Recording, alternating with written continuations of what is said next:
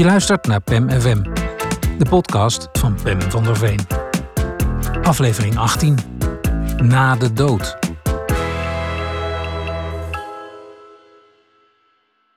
Ik geloof wel dat er iets is, zegt de schoonheidsspecialiste.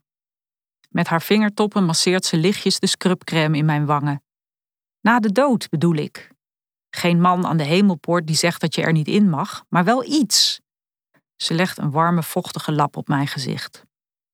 Hoewel protestants opgevoed, heeft ze haar twijfels bij een christelijke godheid, vertelt ze.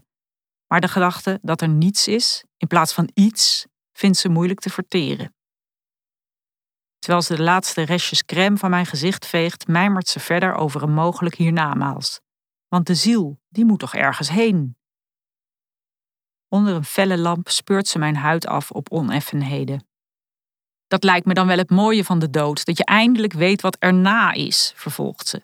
Dat het raadsel is opgelost. Niet dat ik me erop verheug, maar ik ben wel heel benieuwd.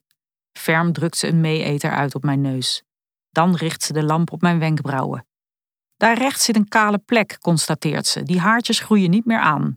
Haar adem strijkt langs mijn voorhoofd.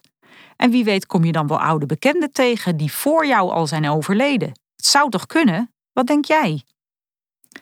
Terwijl haar pincet venijnig in mijn wenkbrauwen graast, probeer ik me op de dood te concentreren.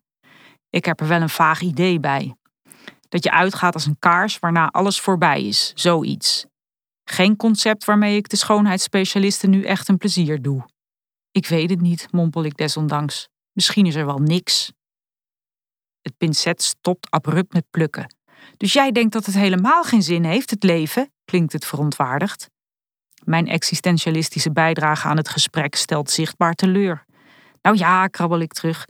Ik geloof wel dat je er het beste van moet maken. Dat je het juiste moet proberen te doen met veel liefde voor je omgeving. En met goed geëpileerde wenkbrauwen natuurlijk. De schoonheidsspecialiste knikt. Jasmijnaroma? vraagt ze. Ze schroeft een zoetgeurend flesje open en klopt zachtjes wat serum in mijn wangen. Even is het stil. Ik weet het natuurlijk ook niet, zegt ze.